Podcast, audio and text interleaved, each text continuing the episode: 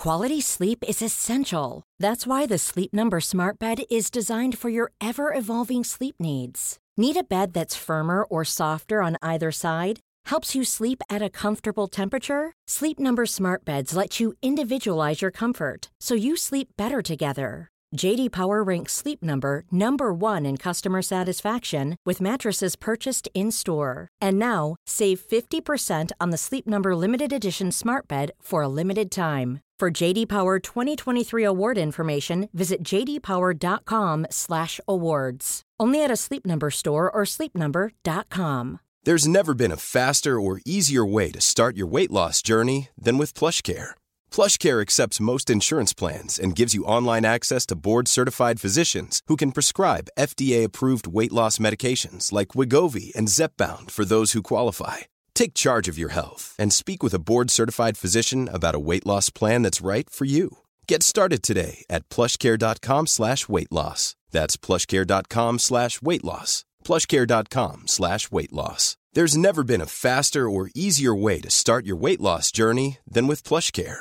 PlushCare accepts most insurance plans and gives you online access to board-certified physicians who can prescribe FDA-approved weight loss medications like Wigovi and Zepbound for those who qualify. Take charge of your health and speak with a board-certified physician about a weight loss plan that's right for you. Get started today at plushcare.com slash weight loss. That's plushcare.com slash weight loss. plushcare.com slash weight loss. Veckans sponsor är Telia. Hos Telia samlar man mobil, bredband, IT-support, mobilväxel, allt som gör företagande enkelt. Och det är just det här att samla allt på ett ställe, att ha någon att vända sig till när det inte fungerar, det är Telia. Ett exempel på vad som inte är Telia, det är ju som när jag lyckas boka förmötet för en poddinspelning med Finansinspektionen till efter själva inspelningstillfället. Eller när jag här, här året var liksom, fick för mig att jag skulle börja springa, så jag är liksom ute och springer taggad, träffar en kompis som säger så du Jan, på måndag ska jag springa ett lopp. Och jag känner så här, ja men det låter inspirerande, så jag käkar pasta, jag byter om, tar mig ner till Malmö stadion för att göra en efteranmälan, står där i kön och sen så när jag liksom anmäler mig så tittar de på mig och säger så här, du Jan, vårhuset är bara till för kvinnor. Och eh, det var, det var typisk en situation som inte är Telia. Oavsett, ett stort tack till Telia som sponsrar, gör Rika Tillsammans möjligt, men framför allt tack till dig som lyssnar, följer och eh, hänger med oss varje vecka. Det finns många fördelar med investmentbolag, förutom att de bara har gått bättre som grupp än både Stockholmsbörsen och en global indexfond. Bland annat så finns det vissa förutsättningar för att de faktiskt ska kunna prestera ett väldigt bra resultat i ens portfölj över tid. Du lyssnar på Rika Tillsammans-podden som handlar om allt som är roligt med privatekonomi. I den här podden får du varje vecka ta del av konkreta tips, råd, verktyg och inspiration för att ta ditt sparande och din privatekonomi till nästa nivå på ett enkelt sätt. Vi som gör den här podden heter Jan och Caroline Bolmesson. Idag är det dags för avsnitt 214 mm. eh, som är en fortsättning på vår serie här att investera i investmentbolag som mm. går igenom lite så här för och nackdelar. Så detta är del två? Detta är del två, ja. Men man kan, kan man lyssna på dem eh, utan att ha lyssnat? Ja, precis, fristående. Ja, ja men det kan, det kan man absolut. Så för, förra avsnittet, då, 213, det var ju mer liksom en introduktion, en historik, Liksom. Vi tog upp lite av de stora svenska investmentbolagen, ja, vilka de är. Investor, Industrivärden, ja. ja och hur de skiljer sig från fonder. Ja, och hur, mm. hur de liksom startade. Mm. Liksom så här, hur många har en bakgrund ända till liksom industrialiseringen i Sverige på 1800-talet. Det är ändå rätt coolt. Ja, ja faktiskt. det är en spännande historia. Ja, så att det där var liksom lite allmänt intro. Idag så kommer det handla om fördelar och nackdelar. Och framförallt så kommer det handla om eh, några nyckeltal, framförallt substansvärde eller substanspremie, substansrabatt. Och det är Kom, viktigt att veta? Det är väldigt eller? viktigt eftersom jag misstänker att en stor del av den historiska utvecklingen och kanske framtida baseras just på de här två eh, nyckeltalen. Och sen nästa vecka så är tanken att titta mer i det där som jag, motsatsen till det jag hatar hos an, i andra avsnitt. Och okay. det är ofta, ofta, så får man alltid så i Aftonbladet eller liknande, så får man så här, detta är fonderna du skulle ägt. Så att man tittar alltid tillbaka. Jag är så här, men det har jag ingen glädje av. Utan det intressanta är så här, är det en bra strategi att investera i investmentbolag framgent? Mm. Eh, så att det är väl det vi kommer att titta på nästa vecka, lite simuleringar, eh, lite prata om, om det där. Eh, för att investmentbolag är ju på sätt och vis en ganska stor avvikelse från, eh, liksom, från det forskningsbaserade som vi pratar om. För att det är svårt att, eh, liksom, historiskt sett har investmentbolag gått bättre än till exempel Stockholmsbörsen eller den amerikanska börsen. I princip oavsett om man tittar på 25 år, 10 år, på 5 år eh, etc. Så att eh, det... Men du, kan vi inte bara säga snabbt vad ett investmentbolag egentligen är? För okay. Det kan vara så att man... Eh, bara... Att man lyssnar på detta och inte har lyssnat på ja, affärer. Nej, och ja. inte är insatt ja, i ett... investmentbolag. Det har ju, jag har inte varit det. Ja, nej, men ett investmentbolag är ett bolag vars affärsidé egentligen är att äga andra bolag och många gånger även utveckla andra bolag. Mm. Eh, och sen just det, sen finns det ju liksom, det som är lite speciellt med investmentbolag är att många har en väldigt lång tidshorisont. Eh, att man äger samma bolag, till exempel Investor har ju ägt samma bolag i snart hundra år. De har ägt liksom, till Atlas Copco och SEB. Ja, och, och men när du säger att de äger andra bolag, för då mm. har jag liksom förvirrat mig kring detta. Då kan det vara att de äger andelar, i andra andelar som aktier i ja, andra så, bolag. Exakt. Eller att de äger hela bolag. Hela bolag. Ja, och, det, och där är det väldigt olika. Och det var ju där som vi egentligen i förra avsnittet dök ner i skillnader och likheter med, med en fond. Mm. Men i korthet så kan man säga så att en, en fond måste ha minst 16 bolag. Eh, de är egentligen inte så intresserade av långsiktigt ägande, utan de vill tjäna pengar. Medan för ett investmentbolag vill man också tjäna pengar, men det kan vara två bolag och det kan vara stora viktningar, till exempel att 40 procent av Kinnevik under en lång period, till och med kanske 60 procent bestod av Zalando till exempel. Ja. Så att ja. det var liksom så här ganska tydliga eh, liksom skillnader. Eh, men man har liksom historiskt sett, varför vi pratar om detta ens är för att man historiskt sett har fått väldigt, väldigt bra betalt av att äga investmentbolag. Och eh, det är liksom en populär strategi, alltså redan för, jag tror för mer än tio år sedan kom Tobias Schildfart med boken eh, Vägen till din första miljon, mm. där en av hans huvudpoänger var att investera i investmentbolag. Jag följde hans råd, det gick sådär. Eh, så det kommer vi också prata om kanske mer i nästa avsnitt. Ja, men det kan ju också vara ett att bara jag, otur. Att liksom. jag är lite dum i huvudet. Nej. Jo, men det kommer, ja, vi, kan, vi kan prata om det, ja. varför det gick så där för dig. Ja, vi har ju en fantastisk tråd i forumet eh, ja. som heter Lossborn. Dela med dig av dina förluster eller dina sådana. Jag ja. har publicerat några där om just investmentbolag. Mm. Men med det sagt, det är liksom vid sidan av våra modellportföljer och vårt lysersparande så har vi haft en portfölj med investmentbolag i många år. Att det var till och med det första bolaget vet, jag tror att den första aktien jag köpte faktiskt 96 var faktiskt Investor. Mm. Eh, så att, eh, det på tips från... På tips från min flickväns pappa. Då. Ja. Eh. Men du, jag ska bara säga när du säger att man har fått bra betalt, då är det en, en bra avkastning Ja, men jag liksom tror att vi... Per år, ja, men jag, tror, jag tror förra, förra, alltså jag hatar ju sådana, om du hade investerat x kronor i, i 1900 Ja, fast vi i, behöver göra så, det nu kanske. Ja, men, Eller? ja, men om, jag tror vi hade en graf i förra avsnittet där det var så här, hade man börjat med 100 kronor runt 95-96, så långt mm. jag har kunnat spåra det här investmentbolagindexet. Och index är ju så som vi har pratat i tidigare avsnitt, ett, en, liksom en samling eh, bolag, i detta fallet då 12 eller 16 investmentbolag. Och så tror jag att då Stockholmsbörsen, om du hade investerat 100 kronor så gav det 18 100 mm. kronor på de här 25 åren, alltså 18 gånger pengarna. Ja. Medan 100 kronor i investmentbolagindexet hade gett nästan 3 500 kronor, så dubbelt mm. så bra. Mm.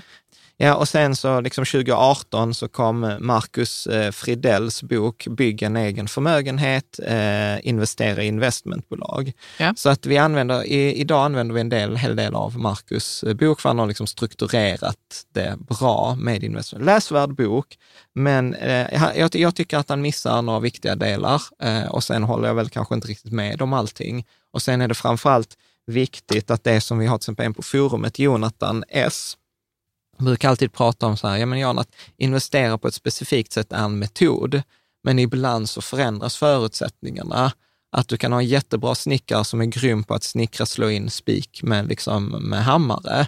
Men eh, om du ändrar förutsättningarna, att sätta den snickaren på liksom en tre meter hög stege, sätt ögonbindel och så låt honom slå in en spik, ja då har förutsättningarna väsentligt förändrats, trots att han är grym på att spika spik. Och, mm. och, det är väl liksom det som jag upplever kanske att vi behöver prata om, kanske framförallt i nästa del. Är förutsättningarna samma idag som när de här böckerna skrevs? Ja. För jag upplever till exempel, utan att gå in händelserna i förväg, så upplever jag till exempel att investmentbolag är det som amerikaner hade väl sagt att detta är en crowded trade.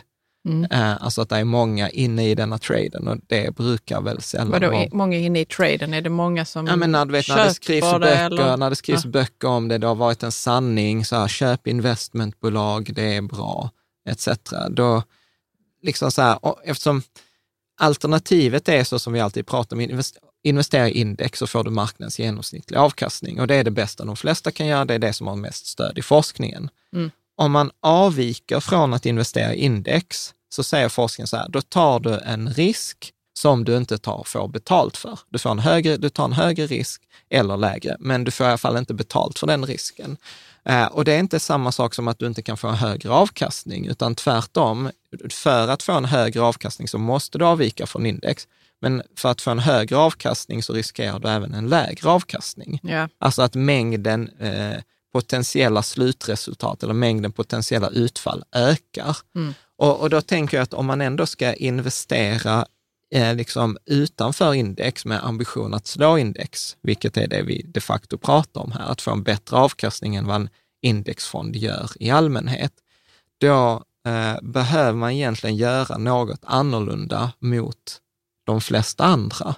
Eh, du kommer liksom inte hitta en överavkastning på samma ställe där alla andra är. Liksom. Nej, i the crowded trade. Ja, i, mm. i liksom det. Vi kommer att prata, jag har hittat en jättefin bok som vi faktiskt fick av Emil Ahlberg mm. eh, när han hade varit här. Plusfonder, från Plusfonder, när han pratade om indexfonder. Mm. Så vi fick en jättefin bok som heter uh, The Most Important Thing, som är skriven av Howard Marks, som jag brukar referera till ibland. Han, eh, det är han som brukar säga så, du kan inte utvärdera utfallet av ett beslut baserat på resultatet, när det är, liksom, för där är faktorer du inte har kontroll på. Och sen pratade vi om det på, på ett Fika tillsammans-avsnitt och då var André Granström var så här, Jan, det är den bästa boken, eh, liksom, läs den, gör ett avsnitt på den. Så, mm, kommer vi göra det? Så nu kommer vi göra det. Och han, det som jag, jag har inte kommit så långt i det, men det som jag älskar än så länge är att han kombinerar just det här liksom, teserna om indexfonder med hur slår man det? Medan de flesta andra är så här, nej, forskningen har fel, eh, bla bla bla, eller så är liksom det fundamentalistiskt åt andra hållet. Nej, men indexfonder is the shit, alla som eh, håller på att försöka slå index. Eh, du menar att han är mer balanserad? Error. Ja, men han, pratar, han är mer balanserad och framförallt så pratar han om vad som krävs. Och eh, hittills, jag ska inte återge hela boken, men han pratar om så first level thinking och second level thinking. Alltså så här, vad, att man måste tänka bortom det alla andra tänker. Det man ofta ser på nyheterna, det är så här, ja nu är corona över, därför kommer börsen gå upp. Alltså det är mm. så first level thinking. Men så mm. tänker de flesta, men då är han på så här, okej, okay, nu, då säger han så här, okej, okay, hur man behöver tänka så här, nu tror alla att corona är över och att därför kommer börsen gå upp. Och då, är, då ska man tänka, okej, okay, så vem har fel i detta resonemanget?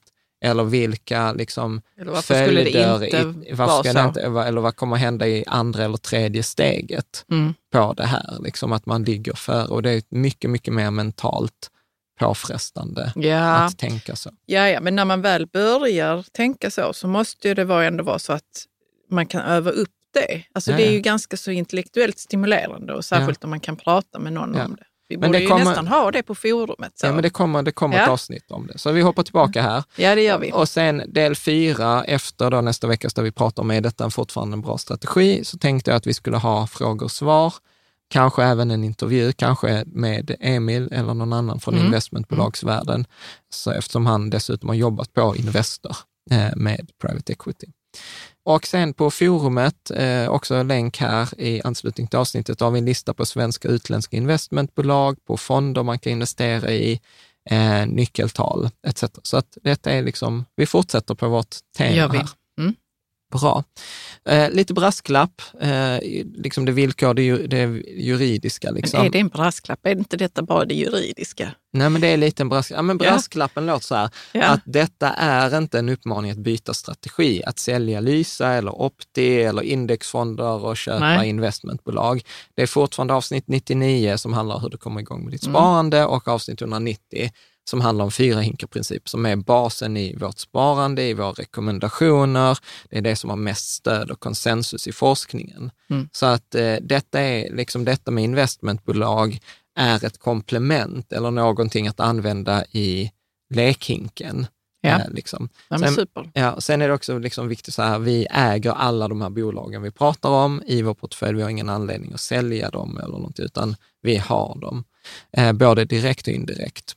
Sen eh, historisk avkastning är inte en garanti för framtida avkastning, så det vi pratar om nu behöver inte vara, bara för att det har varit så historiskt betyder inte att det kommer vara så i framtiden. Och därmed är inte heller detta liksom någon finansiell rådgivning, utan detta är väl mer liksom en genomgång av in, en djupdykning i investmentbolag. Mm. Mm. Eh, och sen, liksom som vi pratade om förra veckan, där är ju investmentbolag som har gått i konkurs. Så att oh, man kan, det? Ja, vi hade ju det där som köptes av Nordea jag minns inte vad det heter. Ja, vi kan försöka ja. minnas till senare. Ja, ja. Och medan det är högst osannolikt att en indexfond till exempel skulle förlora hela sitt värde. Mm. Så att återigen, det är högre risk, högre, fler potentiella utfall, alltså utfallsmängden är större. Historiskt har det varit bra, men det är ingen garanti för framtiden. Mm. Bra. Man ja. kan läsa mer på riketsamhälle.se villkor om man vill veta mer. Ja. Bra. Eh, det sista som jag tänkte ge en liten puff för, vi har ju två ställen där man kan hänga med oss. Mm. Eh, det ena är i forumet på, på riketsammans.se forum eller att man kan ha sån här app, eh, Discourse-appen. och där är ju jätteroligt, alltså trots att det är sommar så har vi liksom så här över 200 inlägg om dagen, diskussioner, allt från Igår hade vi en skala, så här, hur rik är du på en skala 1 till 16 av Morgan Housel, mm. som hade så här, okay, från att vara fullt finansiellt beroende till helt ekonomiskt oberoende. Uh, och sen har vi haft diskussion. Men du, hade inte vi någon kompis som sa att, som att han hade en kompis som sa att till några hantverkare eller vad det var, you have to understand, I'm poor rich. Ja, ja, precis. Alltså att, det, jag tänker att den passar in någonstans i den där skalan. Ja, men precis. Att man kan vara rik, men man är inte så rik att man ja, kan liksom hålla var, på med några utsvävningar precis, i precis, renoveringen. Det, ja, men precis. Det är en kompis kompis som har hus i Marbella för snart 10 miljoner euro, så skulle ha ett nytt larmsystem. Och så pratar han med hantverkaren, nej men jag har inte råd med kameror för en miljon. Liksom så här, mm. You have to understand, I'm poor rich. Ja. Uh, ja, men så att eh, på forumet uh, så har vi... Uh, vi har mycket bildiskussioner där nu också väl, eller? Ja, vår bil. Hur är det? För att ja. vår bil, vår V70 har ju gått svikit oss lite. Ja, och den var till och med så inne på verkstad, kunde de inte laga den på verkstaden så fick den åka till en ny verkstad. Och då, var, då har jag tröttnat, särskilt eftersom jag fyller 40 i höst och liksom har lovat mig själv.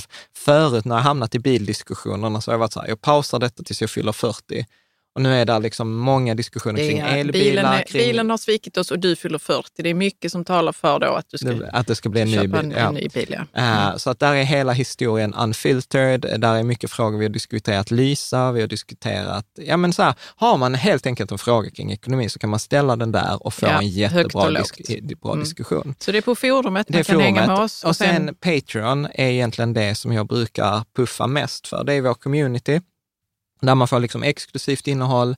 Eh, jag tror vi har över 20 bonusavsnitt som mm. inte har publicerats på bloggen. Ja. Vi har gäster, vi har föreläsningar eh, där till exempel kring olika ämnen, kvantitativa strategier, vi har pratat om bolån, vi har pratat om bostadsmarknaden, ja, där svarar jag på alla kommentarer. Jag har ju tyvärr inte möjlighet att svara på alla kommentarer på Youtube och på forumet och överallt. Mm. Plus vi har träffar varje onsdag, har vi en fika tillsammans eh, klockan tre som är så här utan agenda där vi pratar om allt möjligt. Man kan ställa frågor. man kan, kan bara lyssna. Eller bara lyssna med. Och eh, sen är väl tanken att i höst ska vi ha lite träffar så fort corona är över. Så att, eh, och, man, och man väljer själv sin engagemangsnivå där. Ja. Vi har även under eh, förra året eh, och i början av året gjort saminvesteringar i bolag som man kanske inte annars kan investera i på egen ja, hand. Tanken är ju också att man ska liksom få tillbaks Ja, ja, ja, Vad är det, 7 dollar kanske i månaden man lägger. Ja, precis. Och att man ska få, kunna få tillbaka det i investeringar man får tips ja, om. Ja, precis. Mm. Eh, historiskt sett har jag även försökt ge ett börstips i månaden, spekulation, men nu har det inte varit något på två, tre månader för att börsen är klurig, framförallt det är lite crowded eh, just nu ja. på, på framförallt börsintroduktioner. Men då är det bara liksom sitta på händerna. Man behöver liksom inte tjäna in pengarna varje månad. Det går ju bra att man tjänar igen det på årsbasis till mm. exempel. Så patreon.com snedstreck riket sammans eller länk i anslutning till avsnittet. Bra, Tänker, så här, 18 minuter in i avsnittet ja. så börjar vi. Fem fördelar enligt Fridell, ja. nu den här boken du har ja. skrivit här. Precis. Så att eh, då, så som jag förstod det från Marcus bok, då den här eh, investering investmentbolag, så det som han tycker är de fem största fördelarna eh, handlar ju då om att man kan sprida sina risker. Ja, det vill säga att diversifiering är den enda gratislunchen, det vi har pratat om tidigare. Liksom mm. Forskningen säger att ja, the only free lunch is like diversification. Nästa fördel? Man tar del av substansrabatten. Ja, Köp en krona för 80 öre. Ja, och då, jag vet inte vad substansrabatt är riktigt. Nej, men det är det, det vi, ska prata om. Mm. Precis. Mm. Jag kan förresten också säga att nu, nu har vi ju, för dig som tittar på YouTube så är det uppenbart att vi har slides. För ja. dig som bara lyssnar, eh, du behöver inte veta att vi har bildspel till mm. det här. Man kan ladda ner det i anslutning till avsnittet, men det går superbra att bara lyssna. Mm. Eh, och finns på bloggen också. Man går in på riketsammans.se och så söker man då på 214 så får man också fram slidesen och hela, transkribering av hela avsnittet. Mm. Så substansrabatt, eh, substansrabatt ger, ger eh, tillgång till något som kallas för utdelningsarbitrage. Eh, vi kommer att prata om vad det är, det vill säga att man får, man får mer utdelning än man egentligen har rätt till. Mm. Och sen så är en ytterligare en annan fördel att, eh, man tar rygg på proffsen, står det här. Ja, precis. Att man, att man gör samma sak. Man säger så här, nej, men jag gör samma sak som Warren Buffett eller Wallenberg-familjen. Mm. Eh, det vill säga att ja, men jag kan inte detta bättre än Wallenberg-familjen. De har 90 anställda som bara jobbar med det här. Jag tar samma som dem. Liksom. Mm. Och den sista fördelen, Slipp förvaltningsavgifter. Ja, att låga, avgif låga avgifter brukar vi tjata om, att det är viktigt. Och med investmentbolag så får man ofta låga avgifter. Men det är ingen sanning som är liksom någon naturlag. Vi kommer att prata om det, att vissa investmentbolag är ganska dyra i, mm. i förvaltning. Men när du säger låga, eller vad, slipp förvaltningsavgifter och att avgifterna är låga, då är det väl jo, 0, de, Ja, men det är lite, lite olika. Jag brukar alltid säga så här, tumregel är att man aldrig ska betala mer än 0,4 procent i avgift. Mm. Det är väl där liksom ribban går i, i dagsläget, vilket är 1 procent lägre än genomsnittet för fonder i Sverige, som ligger på ungefär 1,42 om jag inte minns fel.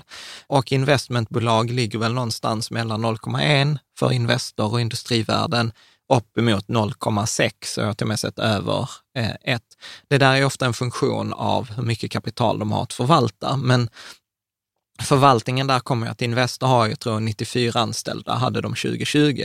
De här 94 anställda ska ju ha lön och kontor yeah. och tjänstebil och massa annat. Och de pengarna behöver ju tas någonstans mm. eh, ifrån. Eh, och jag tänker då att vad vi ska göra nu är att bryta ner de här olika fördelarna. Och om vi tar den första, sprid riskerna. Så riskerna, här kan man ju liksom ofta prata om i form av eh, då, till exempel koncentration eller diversifiering. Ja. Och koncentration handlar om att ja, men jag sätter alla pengarna i, i några fåtal bolag. Jag har en hög koncentration av mina pengar i enstaka investeringar. Och eh, diversifiering är ju då att, nej men jag säger så här, jag vet inte vilket som kommer gå bra imorgon, så jag sprider ut mina pengar på många ägg. Så liksom jag har, jag har liksom många olika Menar du många olika tillgångslag och många olika Det kan det ju vara. Du kan ju diversifiera och... inom aktier, men sen kan mm. du diversifiera mellan tillgångslag och du kan diversifiera mellan valutor och mellan länder. Ja. Eh, så man kan diversifiera på många sätt? På många olika sätt, ja. Och då brukar det ju vara liksom tes, argumenten för koncentration brukar ju vara så här, ja men alla som är rikast i världen har gjort det genom koncentrerat innehav. Mm. Alltså Bill Gates i Microsoft, Warren Buffett i Berkshire Hathaway, Jeff Bezos i Amazon, eh, etc. Så vill, vill man bli... Men det är deras egna bolag? Väl? Yeah. Ja. Eh, och, men å andra sidan brukar jag säga så att man hör ju inte det som vi brukar prata om, eh, tysta vittnenas kyrkogård, alltså det som är Nej, survivorship bias, det. när det smäller, när man mm. liksom hade allt i ett ägg och sen tappar man det ägget versus att ha spridit ut det. Mm. Och jag tänkte att vi ska citera Warren Buffett, som jag tycker har en klok åsikt om det här. Yeah. Då har vi ett lite längre citat som jag tänker att vi bryter ner i, i två delar. Okej, okay. så här säger, skriver han. I have two views on diversification. If you are a professional and have confidence, then I would advocate lots of concentration. For everyone else, it's not your game. If it's not your game, participate in total diversification. Mm. The economy will do fine over time. Make sure you don't buy at the wrong price or the wrong time. That's what most people should do. Buy a cheap index fund and slowly uh, dollar cost average into it. If you try to be just a little bit smart, spending an hour a week investing, you're liable to be really dumb. Mm. Så att du, du, om vi ska sammanfatta, liksom, och kommentera det, då säger han så här, han har två syner. Det ena är liksom vad han själv gör. Eh, liksom att han har investerat i ett fåtal bolag och sen som vi pratat om i tidigare avsnitt så har majoriteten av vinsten har kommit från ett par riktigt lyckade investeringar. Eftersom han har haft ett par riktigt lyckade investeringar så har det gett en enorm avkastning. Sen har vi hela diskussionen, är det tur eller skicklighet att välja de här eh, investeringarna? Och det är det vi kommer att återkomma till med Howard Marks avsnittet. Ja. Eh, och då säger han så här, ja men är man då proffs eh, så ska man då ha mycket koncentration. Och här är ju liksom, som vi behöver inte återupprepa alla tidigare avsnitt, men även forskningen här säger att det är svårt för proffsen att slå index. Ja, och proffsen är ju de som jobbar heltid. Jobbar heltid, har, har ekonomiutbildningar, har alla liksom forskningsresurser, alla verktyg eh, etc. Och sen så säger han då den andra synen är att okej, okay, men ekonomin som helhet kommer att gå bra. Vi har det här mänskliga drivet med tillväxt, vi vill ha det bättre imorgon än vad vi har det mm. idag. Därför kommer ekonomin gå bra. En indexfond som köper allt fångar ju rörelsen i hela ekonomin. Och eh, det viktigaste då är inte att köpa vid fel tillfälle, att när det är som dyrast, utan dollar cost average into it. Och dollar cost average betyder spara regelbundet, att om du mm. har liksom tusen eller hundratusen kronor, ja men spara x antal kronor varje månad liksom under en lång tidsperiod, för då får du ett genomsnitt. Ibland köper du dyrt och får färre andelar, ibland köper du billigt och får många andelar. Ja, beroende på hur börsen har ja, gått. Ja. Men han säger så här, försöker man lägga en timme i veckan eller en timme om dagen, då tar du risken att vara dum i huvudet. För det räcker inte för att, liksom, att, slå, för att vara professional. Ja. Eh, eh, och jag skulle argumentera att det inte ens handlar om liksom, tid, utan det handlar om till exempel detta som han Marx kommer prata om, second level thinking, eller att göra annorlunda mot vad andra gör. Så att det gäller liksom en Ja, vi, vi återkommer Men har till det. Men har inte bara Warren Buffett också sagt någonting sånt där, att man ska i man ska göra motsatsen till vad alla andra gör på jo, börsen. Jo, jo. Jo, så var, alltså så här, var, girig. var girig när alla andra är rädda och var rädd när alla andra är giriga. Ja. Och just nu upplever jag till exempel att om jag ska göra min egen analys, som jag inte agerar på eftersom vi köper indexfonder, som det inte, man kommer ha mer än 50 procent fel när man gör analyser om framtiden, så upplever jag folk giriga. Börsen har gått upp, det har aldrig funnits så många Instagram-influencers som pratar om ekonomi, liksom börspaneler, eh, alltså det är bara att titta på valfri nyhetssändning eller så här, finanstwitter. De flesta menar att det går, bra ja, ja, ja. på börsen. Och, och har tjänat pengar. Mm. Liksom. Mm. Men eh, han fortsätter, här är det mest kända citatet då. If it is your game, diversification doesn't make sense. It's crazy to put money into your 20th uh, choice rather than your first choice. LeBron James analogy. If you have LeBron, LeBron James on your team, don't take him out of the game just to make room for someone else. If you have a harem of 40 women, you never really get to know any of them well. vad det är för gubbigt. Okej, okay, men låt oss bryta ner vad han har sagt. Jo, men LeBron vad James, han menar. Okay, LeBron James, James, är, någon... en fantastisk, uh, duktig låt basketspelare. Ah, Okej, okay, det var basket. Jag tror, tänkte att det kanske var så amerikansk fotboll. Nej, basket. Och då säger han så här, om du, om du får ha sex eller fem spelare på plan, mm. varför ska du ta ut din bästa spelare och sätta in den som är på 20 bäst? Då vill du behålla den som är bäst på plan. Sen skulle jag säga att analogin haltar lite eftersom eh, då behöver du veta att LeBron James är bäst. Och liksom så här, ja, hur, vet du, det, ja. hur vet du att han kommer vara bäst de kommande matcherna? Eh, liksom. eh, sen har han väl rätt i liksom den där med harem-grejen. Eh, Om man har ett harem ja, av 40 kvinnor eller 40 män, ja. så kommer man aldrig lära känna någon av de riktigt bra. Riktigt bra, man har ju annat att göra också. Ja.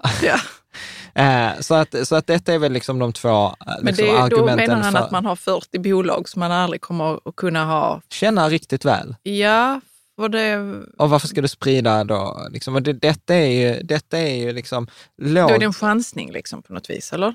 Nej, eller vad menar han där? Nej, tvärtom. Index, förstå. indexfonden här säger så här, okej, vi vet inte vilken av de här spelarna som kommer gå bäst, så vi har alla på plan. Det är liksom, vi har pengar i, i alla. Och det kommer ju inte gå, vi kommer kanske inte vinna lika många eh, matcher som om Nej, vi bara nej. hade de bästa spelarna på plan. Men å andra sidan så kommer inte det gå åt helvete om LeBron James bryter benet. Nej, Liksom. det Och då kommer ska jag- ändå och då- funka. Ja, och då ska Mm. jag ändå veta liksom så här, hur lång tid tar det innan han kommer tillbaka. Eh, liksom. ja, jag tycker vi ska, Ja, det är lite splittrat där, men ändå på något vis. Eh, för han menar att det här med 40 bolag, det är att ha en indexfond och då... Ja. Ja, ja. precis ja. Ja. Mm, Okej. Så, så om vi fortsätter, liksom, där är ju viktigt att titta på det här med risk.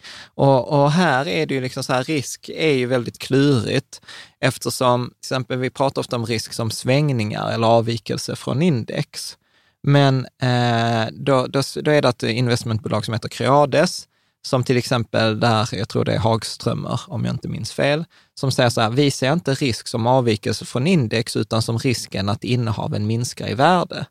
Det vill säga att om det svänger uppåt så spelar ju inte det någon, då är ju alla glada. Och, de liksom ser inte heller det som att det är dåligt att avvika från index, utan det som de ser är liksom så här, det är dåligt om vi förlorar pengar. Så det är ett annat perspektiv än vad man brukar prata om risk inom forskning eller inom Ja. indexfonder. Och då, de eh, två största riskerna, eh, det är det man pratar om systemisk, inte systematisk, utan systemisk risk, det vill säga marknadsrisken, som man inte kan diversifiera sig från, eftersom marknadsrisk är om hela marknaden sjunker. Okej? Mm. Sen finns det då som heter idiosynkratisk risk, som är då bolagsrisk. Det vill säga så här att jag har valt fel bolag, men den risken kan jag diversifiera bort genom att ha fler spelare, genom att Ja. ha fler aktier. Ja. Det vi kan vara överens om är ju att till exempel om man behöver minst 12 bolag, gärna mellan, egentligen skulle jag säga mellan 20 och 30, för att helt eliminera den idiosynkratiska risken, alltså bolagsrisken. Eh, så att liksom, och fonder, då pratade vi om i förra avsnittet, där brukar man sätta gränsen vid 16. Mm. Så även om många av de här investmentbolagen har flera underliggande innehav, det vill säga att, man, att ibland så hör jag argumentet, så här, nej men köper du ett investmentbolag så har du spritt riskerna eftersom du har det i de innehaven som det investmentbolaget har.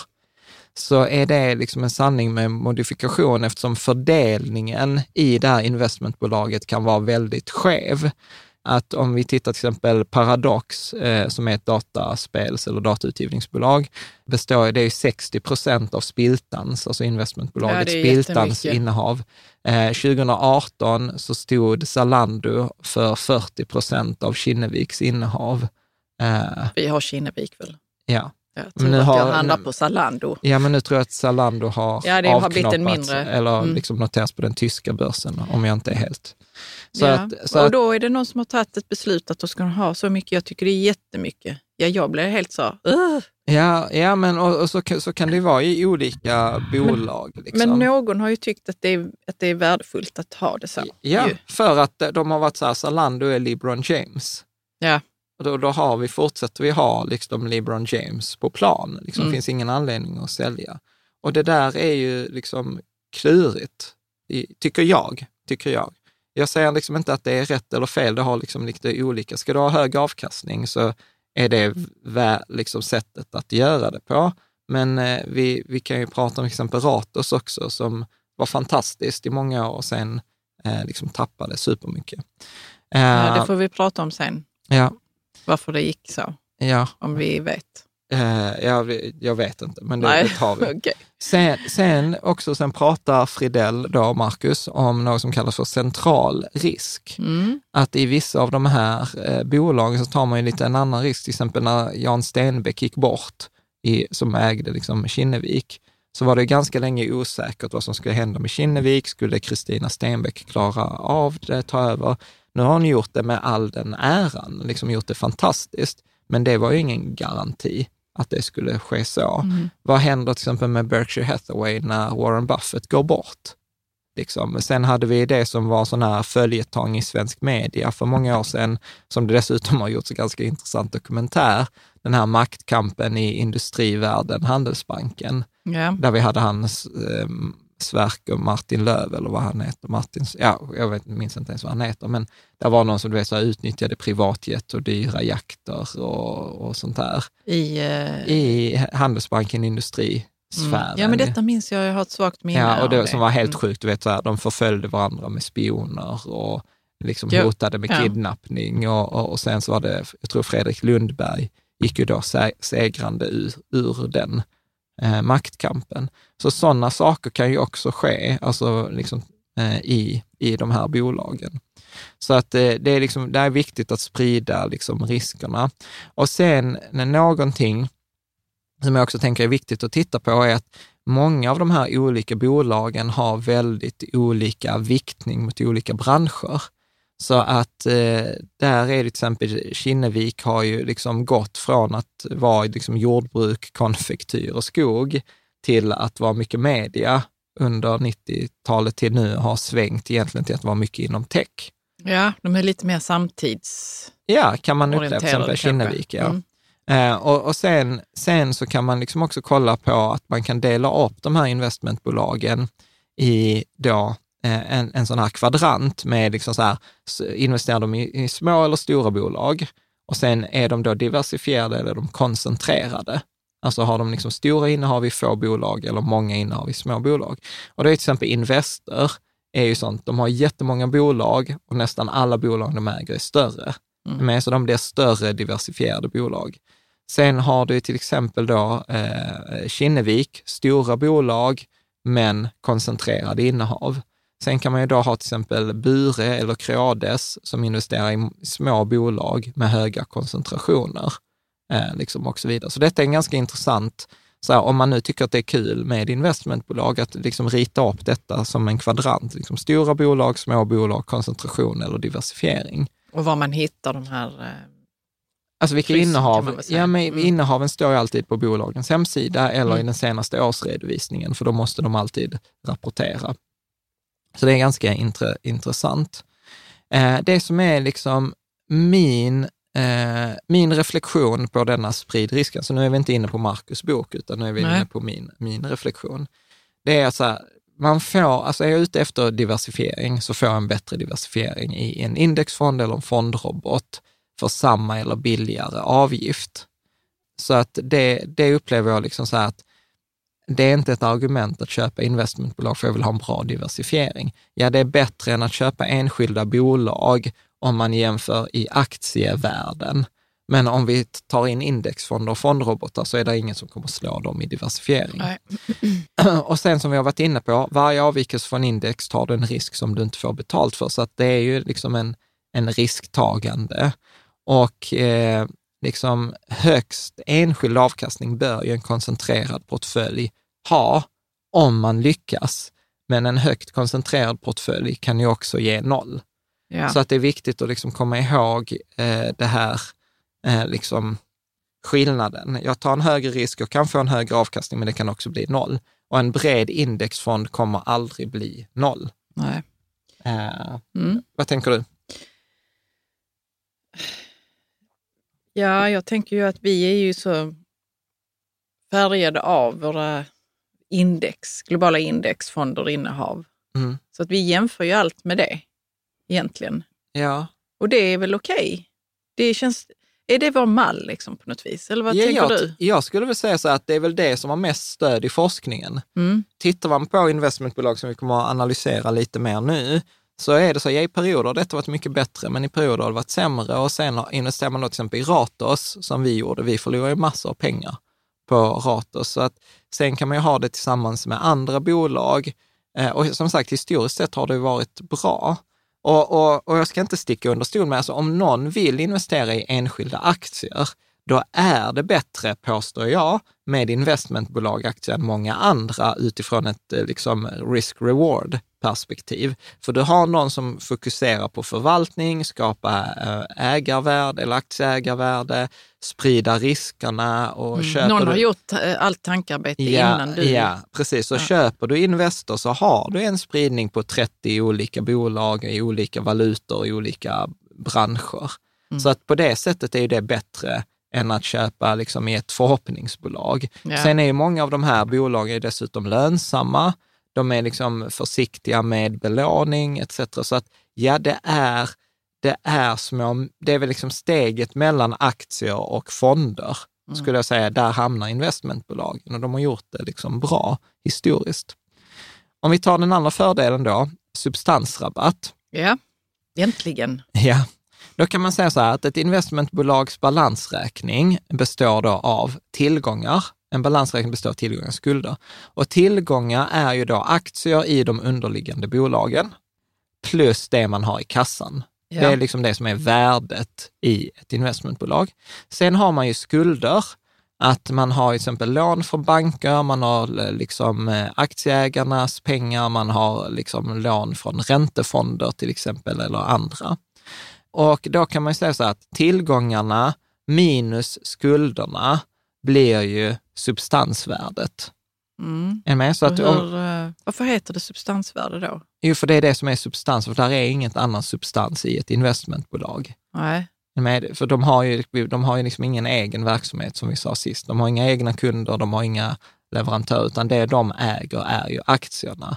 Så mm. värdet mm. av alla aktier minus värdet av alla skulder, det är ju liksom substansen. Ja. Och då kan man ju liksom säga så här att om vi tar ett exempel, om de har tillgångar för 10 000 kronor eh, och en kassa, alltså de har aktier för 10 000 kronor och de har en kassa på 1000 kronor.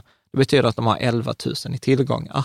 Har de sen liksom, till exempel på skuldsidan lån för 5 000, så betyder ju det att substansvärdet kommer då vara, eller eh, substansen i bolaget kommer vara 6 000 kronor. Och har de då 10 aktier, så 6 000 delat på 10 blir 600 kronor per aktie. Ja. Så det blir liksom substansvärdet. Och i en värld där det inte hade funnits spekulation i till exempel förvaltningsteamet, om förväntningar om att Investor eller bolag kommer gå bra i framtiden, så skulle ju den, liksom värdet på aktien skulle ju vara samma som substansvärdet. Är du med? Ja.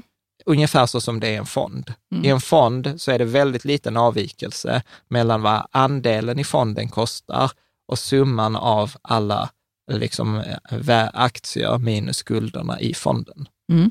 Är med? Yes. Så detta är då substansvärdet. Om vi då tittar så här att ibland så tror ju marknaden eh, alltså mycket på bolaget och man tror att de kommer fortsätta göra bra affärer, att de här bolagen kommer växa. Så, så är man beredd att värdera upp investmentbolagets aktie eftersom antalet aktier i Kinnevik eller Investor är ju begränsat. Med? Så då finns om, om efterfrågan är större än tillgången så kommer priset öka. Ja. Eh, om vi då säger att substansvärdet eh, är 600 kronor, men aktien handlas för 700 kronor, så betyder det att vi har en substanspremie på 100 kronor. Är du med? Att vi, att vi, betalar, eh, vi betalar 100 kronor mer för aktien än vad som egentligen är motiverat. Är du med? Ja. Ja, precis. Men vänta, substansvärdet var ju... Värdet på alla aktierna minus mm. skulderna. Men vem är det som sätter värdet där då? Är det inte marknaden? Nej, ja, ja beror, beror ju på. Alltså värdet på, på aktierna, på in, det är ju till exempel om det är noterade aktier så är det ju bara att kolla vad är aktiekursen i Ericsson eller SEB ja. värd. Eh, är det värd, ett onoterat bolag så gör ju ofta då till exempel Investor då värdering av det innehavet. Och då finns det ju olika sätt att värdera eh, det på, vilket också är klurigt som vi kommer att prata om. Ja, för sen så säger du att aktien handlas för 700. Ja, fast substansvärdet är bara 600. Ja, det, det blir sån krock ja, för mig att jag förstår det inte riktigt. Jo, men för, för, att det är många som vill ha den här aktien. Ja. Och då säger jag så här, men jag, jag, jag vill ha den här aktien, så jag, jag vet att den är värd 600, men jag vill betala 650. För jag tror att jag kommer om 12 månader kunna sälja den för 700. Ja, och det är väldigt momentant. Liksom. Det Vadå? alltså för substansvärdet, det är någon som har satt så att ja, men, men aktien är värd. Ja, men substansvärdet, är det noterade bolag så ändras ju substansvärdet på daglig basis också. Substansvärdet är ju summa, värdet av alla tillgångarna som investmentbolaget äger. Mm. Det värdet kan ju också förändras varje dag. Ja. Ja, jag bara känner att jag, det är något som eh, jag inte förstår här. Det är förmodligen för att det är någon som har sagt att substansvärdet är det här. Det, är, det har ju bestämts på något vis ju. alltså det är summan Men du säger av... sen att aktien, Ja, men för för att, aktien är inte alltihopa som, eh, som man äger Jo. i det här bolaget. Utan det kan, är det så jag annat tror att också? du blandar sakerna, Caroline. Ja, Du har investmentbolag som är en låda. Ja. Lådan, eh, innehållet i lådan är värderat till 600 kronor. Ja. Ja, okej. Sen är det någon förvaltare som sköter innehållet i lådan. Och när jag tittar på förvaltaren plus lådan så tänker jag så här, fan det där är en bra förvaltare.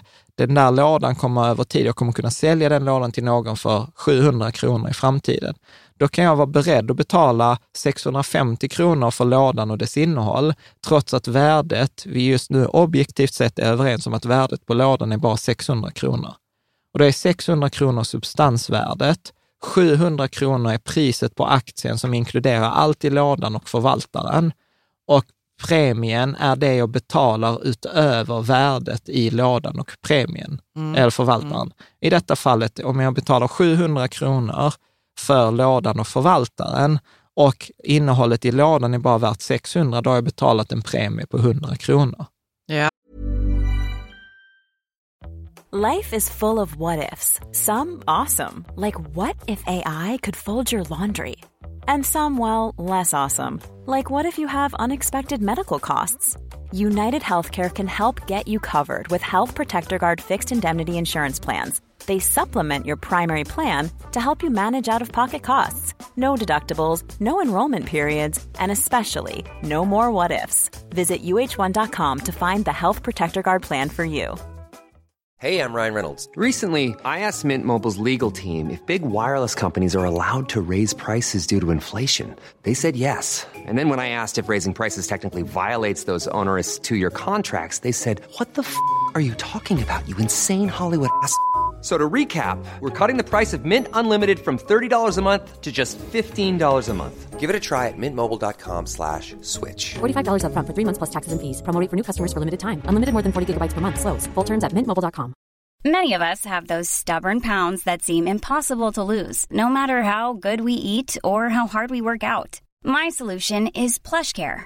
PlushCare is a leading telehealth provider with doctors who are there for you day and night to partner with you in your weight loss journey. They can prescribe FDA-approved weight loss medications like Wagovi and Zepbound for those who qualify. Plus, they accept most insurance plans. To get started, visit plushcare.com slash weight loss. That's plushcare.com slash weight loss. Okej. Ja, Okej, makes sense. det makes sense. Ja. Ja. Sen kan någon annan komma och säga så här, men jag vill betala 701 kronor. Och så tittar vi i lådan och så är lådan värd 620 kronor. För plötsligt så gjorde Zalando en jättebra rapport. Mm. Är du med? Då har Precis, ja. substanspremien minskat. ja, men då förstår jag nog att det är, eh, ja, för det är två helt olika saker. Ja. Ja. Substansvärdet och vad någon är beredd att betala för. Ja. Mm. ja. Och skillnaden mellan vad någon är beredd att betala eh, och värdet kallas premie om du betalar mer eller rabatt om du betalar mindre. Det kan jag, kan jag, jag förstår det. Ja, vad bra. ja, så precis så ibland så kan vi då ha motsatsen, att värdet på lådan och förvaltaren är 600 kronor, men man är så här, nej men aktien, det har varit coronakrasch och någon, folk är bara så här, nej men jag bara ville betala 400. Mm. Då har jag en rabatt på 200 kronor. Liksom, då har jag en substansrabatt och en substanspremie. Är vi, Ja. är vi med på detta nu? Men vilket är vanligast egentligen när det kommer till sådana här Ja. eh, Historiskt, bolag? historiskt sett, om vi tar då till exempel eh, 20, 28 augusti 2008, då hade Investor ett börsvärde på 95 miljarder, vilket då utslaget per aktie var 125 kronor. Ja. Okej, så det var vad aktien, alltså lådan plus förvaltaren, var 125 kro Japp. kronor. Men bolaget, när man tittade i lådan, så var det värde för ytterligare 45 miljarder. Med? Så i detta fallet var rabatten 30 procent. Ni Med? Börsvärdet på Investor var 95 miljarder, men värdet på Investors alla tillgångar, så lådan minus skulder, var 140 miljarder. Så du köpte 140 miljarder i tillgång. Om någon hade köpt hela Investor för 95 miljarder, som var det som var dagspriset, så hade de fått tillgångar för 140 miljarder. Ja. De hade fått 30 Bra procent. Ja, det hade varit en jättebra äh, äh, affär. Tittar vi på eh, Industrivärden, Kinnevik, eh, Lundbergs, så har de också haft ungefär 30 procent rabatt historiskt. Öresund, Melker Schörling Ratos har haft eh, 20 procent rabatt och snittet mellan då för alla investmentbolag mellan 1973 och 2004 var ungefär 20 procent. Tittar man i Storbritannien på motsvarande bolag så har snittrabatten varit 13, ungefär 13 procent. Så man, Men varför blir det en sån rabatt egentligen? Kan man ju fråga sig. Det är många anledningar. Till exempel eh, så, så säger man alltså likviditet. Eh, det kan vara liksom också att eh, bolagen kanske inte alltid tar rätt beslut för att maximera den korta avkastningen. Eftersom till exempel Investor lär ju inte sälja Atlas Copco eller SEB eller några av sina kärninnehav oavsett vad som händer. Ja, och det kan gå upp och ner i värde ju. Ja, Mm. och, och då kan man säga så här, men jag tar en högre risk för att köpa Investor så lär ju inte de göra sig av med SEB även om de råkar ut för en skandal i Baltikum. Mm, Så ja, till exempel precis. det är en anledning. Likviditeten, att de kan inte avyttra alla de onoterade innehaven på en och samma gång, till Mm. exempel. Så där finns, alltså, där finns, vi kommer gå igenom det, men där finns rätt mycket forskning och där finns ingen enskild faktor som säger att detta är anledningen, detta är vad det borde vara, utan tvärtom, vissa forskare säger att det borde inte finnas någon rabatt, utan det borde vara ett korrekt substansvärde och ett korrekt marknadsvärde, men det är det Och att de skulle vara samma då. Ja, Ja. eller liknande. Liksom. Eh, Ja. Men vi återkommer, jag, jag kan inte alla anledningar i huvudet, men jag har dem nedskrivna. Mm. Och sen, detta ger en rätt intressant effekt. För detta ger ju då en utdelningshävstång. För att om du då äger investmentbolag för 100 kronor, men investmentbolaget äger, jag säger nu gör vi det enkelt för att det ska bli enkelt med matten, liksom där du har 50 procent rabatt. Är med? Så att du köper för 100 kronor, men de äger bolag värde för 200 kronor. Ja. Och sen blir det utdelning på 10 procent. Då kommer ju alltså utdelning i de underliggande bolagen. Men då kommer ju Investor få, eller då bolaget få 20 kronor i utdelning. Mm. Är ni med? Och säg att de delar ut hela den utdelningen till mig som ägare av investmentbolaget. Då kommer jag ju få 20 kronor i utdelning på 100 kronor. ja, det är rätt Men, bra ju. Det är jättebra. Men om jag istället ägde de underliggande bolagen själv, det vill säga jag hade inte investmentbolaget Du hade inte mellan- lådan. Nej, Nej. då hade jag ju bara fått 10 kronor i utdelning. Ja, precis. För att eh, de underliggande bolag har ju 10 procents utdelning. Mm. Men så jag tar exemplet igen. Investmentbolaget köpte jag för 100 kronor, Mm. men jag fick rabatt för att de ägde aktier för 200 kronor. Mm. De underliggande bolagen. De underliggande bolagens utdelning det året är 10 procent. Så då får Investor får då 20 kronor i utdelning. De 20 kronor delas ut till mig som ägare, alltså får jag 20 kronor. Om jag hade skippat investmentbolag och ägt de underliggande tillgångarna, alltså samma som investmentbolaget ägde, så hade jag ju bara fått 10 procent, för det var ju det som var utdelningen på de underliggande bolagen. Och då hade jag ju bara fått 10 kronor. Ja, precis. med? ja. Så jag får, förstår hävstång, jag får Mm. hävstång på utdelningen om där finns rabatt i investmentbolaget. Hur vet man att det finns rabatt? ja, det vet får, man kanske inte. Jo, men det får man ju kolla då. Vad är värdet på alla tillgångarna i investmentbolaget minus skulderna i det dividerat med antalet aktier? Är ni med? Var kollar man det då? i bolagens årsredovisningar.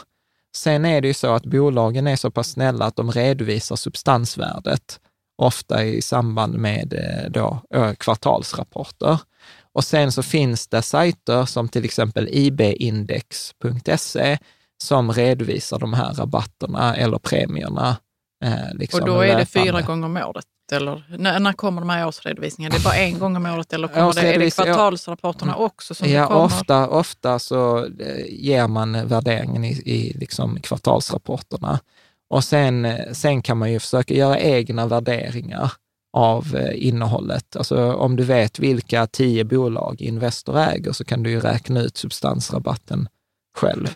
Men, Men det blir det så att det är många som handlar då när det, när det verkar som det är substan, en substansrabatt? Eh, ja, ja, historiskt sett har vi ju haft rabatter, så det har ju varit någonting som har talat väldigt mycket för eh, bolag. Men det är ju det vi ska prata om lite nu. Att eh, där finns ett bolag som heter Kvartil Fonder, som mm. har ett, en fond som vi ska prata om lite mer i nästa avsnitt, eh, som heter då Kvartil Calculus Plus investmentbolag som fokuserar på just det här med substanspremier och rabatter. Och då har de eh, gjort en bild på, eh, eh jag tror det är Latour, 2019, alltså Latours, eh, investmentbolaget Latours aktiekurs och dess substansrabatt. Över tid? Ja, över, ja, över, över ett år. Över ett år. Mm. Det är då 2019, 12 månader. Och det intressanta är att man ser liksom hur aktiekursen ökar och substansrabatten liksom minskar. Eh, och att där är liksom korrelation mellan de här två. Och den här aktiepriset eller substansvärdet, det, det förändras ju över, över tid. Jag tror att det är Kvartil också som har gjort sådana här animationer. Man kan titta på hur substansvärdet eller premien, rabatten har förändrats mellan 2002 och 2000, då, juni 2021. Och det är ganska intressant att se, fram till typ 2016 så handlades nästan alla aktierna med rabatt, medan nu handlas nästan alla aktier med premie. Mm. Jag tror att det bara är Investor som har typ 9 procents eh, rabatt och Traction, annars ligger alla eh, liksom dyrare. Och eh, när jag tittade då på eh, ibindex.se så ser vi här där de har liksom en uppställning och av, tror jag, 12 eller 13 bolag så är det ju bara Investor och eh, eh Nax och VDV Global som har eh, en liten rabatt, medan alla andra, till det värsta är till exempel Havsfrun, som verkar ha en premie på över 100 procent. Så du betalar liksom dubbelt så mycket mot vad innehaven är värda. Premien uppstår ju när man har den här lådan ja. med, med innehavet ja. och eh, förvaltaren. Ja. Och där innehavet är värderat till 200, 200 kronor. Men Nej, 100 är, kronor. 100, 100 kronor. kronor. Men någon är villig att betala 200 kronor. Då har du 100 procents premie. Ja, men hur... Um, Precis, det låter ju helt... Ja, men det kan vara förväntningar om framtiden. Mm. Det kan vara liksom så att vi tror på de här bolagen. Eller så att, ofta är det ju så att man tror ju att det, man kommer få mer betalt för det i framtiden. Alltså det är som vi har pratat om i det här avsnittet med Morgan Housel med Psychology of Money. Ingen är dum i huvudet. Nej, alla gör det som de tror är rätt. Men då är det i alla fall eh, en crowded eh, ja. trade. Ja. Kan man, ja, jag förstår detta nu med crowded trade. Jag ja. känner att jag... Ja. Mm. Och, och tittar vi liksom på eh, forskning, vad forskningen säger kring det här med substansrabatt, så säger forskningen lite så här, givet att investmentbolagens innehav är korrekt prissatta, betyder det att avvikelser från substansvärdet ej bör förekomma kontinuerligt i en effektiv marknad. Så att, och här blir det liksom klurigt, för här skiljer sig lite liksom Sverige åt från andra ställen. För att investmentbolag i den formen vi har haft i Sverige finns inte på så många andra ställen runt om i världen. Det närmaste man kommer är i USA något som kallas för closed end funds, det vill säga fonder som tar in en viss mängd pengar och sen tar de inte in mer pengar utan liksom handlar, köper bolag. Så att på det sättet kan man säga att där är, där är vissa likheter, det är mer likheter än det är olikheter. Men, eh, men det är ändå inte samma sak. Det är liksom mer liksom kusiner. Och tittar man eh, på viss forskning, till exempel då Sagi, Stanton och Cherkes från 2009, så ifrågasätter de varför denna rabatt ens existerar. och eh, då säger liksom som en annan studie från SN 1997 att avkastningskravet uppfylls ju inte vid rätt eh, liksom substansvärde. Så att där finns liksom så här att man har sett andra studier då, sen från 19, redan 1980, så har man sett att det är en korrelation mellan substansvärde och eller substansrabatt och överavkastning. Ja. Och det bästa var att om man kunde köpa ungefär vid 20-30 procents rabatt och sen sälja om rabatten sjönk till under 10-15 procent. Eh, problemet är att sen gjordes det liksom så 15 år senare, 99, eller då gjordes en studie som konstaterade att även premie leder till av, överavkastning. Men så, Aha, att, så att man förlorar inte på det ändå nej. kanske? Så att jag skulle säga så här att forskningen är inte överens om vilka faktorer som spelar mest roll från, eh, för den här rabatten. Att det är då den här likviditetsaspekten som jag var inne på, till exempel vissa bolag är svåra för mig att köpa som privatperson, men det är enkelt att köpa investmentbolaget och sen gör investmentbolaget handeln i mm. det där eh, bolaget. Till exempel nu Kinnevik gick ut med att de köpte en dansk onoterad bank som heter Lunar Bank. Jättesvårt för en privatperson att köpa in sig, ganska enkelt för Kinnevik. Eh, där är förvaltningstransaktionskostnader, eh, där är börshumöret eh, som påverkar liksom om folk är maniska, så ah, jag ska ha det där. Eh, no liksom. what. Ja. Mm. Irrationellt beteende, eh, liksom fördelningen på de här noterade och onoterade innehaven. Sen kan det vara maktrelaterade motiv. Att Investor lär inte sälja SEB eller Atlas Copco oavsett. Eh, liksom. Man kan, eh, där kan vara svag historik, att det finns ingen historik på förvaltningsteamet eller investmentbolaget och då vill jag ha en rabatt jämfört med att jag köper det själv, mm. Eh, bolagen. Där är en låg transparens, att jag ser ju inte alla innehaven, jag vet inte vad som pågår i bolagen, så att det kan också motivera en rabatt. Eh, plus att, eh, liksom som det var någon som skrev så här, påtvingad portföljmix. Att jag kan liksom inte välja, utan bestämmer de sig för att ha Zalando till 40 procent, ja då är det Zalando till 40 procent mm. man får. Mm. Ja, så att där är väl liksom lite saker varför där borde finnas en rabatt. Så därför blir det ju svårt nu när det dessutom är en premie på mm. nästan alla investmentbolagen. Eh, bra. Så att här blir ju också, då, om vi, om vi repeterar lite skillnad mot en fond, så blir det så att priset på en andel i en fond ligger väldigt nära substansvärdet. Eh, Medan priset på en aktie i ett investmentbolag liksom återspeglar inte bara substansvärdet, utan den återspeglar även tillgången och efterfrågan på aktien, alltså att förväntade framtida utvecklingen på aktien. Mm. Lite greater fool-teorin. Eh, Mm. Att jag, jag kommer inte ihåg den. Nej, men att jag, jag kan sälja detta till någon större Idiot. fool ja. fram, framgent. Eh, sen kan man ju också då säga att eh, ägare till investmentbolag gillar ju oftast inte rabatten, utan man vill ju aktivt arbeta för att minska substansrabatten. Jag vet till exempel ett tillfälle jag pratade med Per Börjesson på Spiltan och då hade ju Spiltan en ganska hög substansrabatt och det var ju liksom inget han var jätteförtjust i. För att vad det de facto gör är ju att det minskar ju ägarnas förmögenhet, värde. Alltså så här, ja men jag har egentligen 100 kronor, mm. men de är bara värda 80. Ja. Så det vill man ju inte. Så att som ägare till ett investmentbolag vill man ju att, att företaget aktivt arbetar för att sänka substansrabatten. Mm. Så att eh, där är liksom lite olika faktorer. Sen har vi ju pratat om utdelningsarbitraget.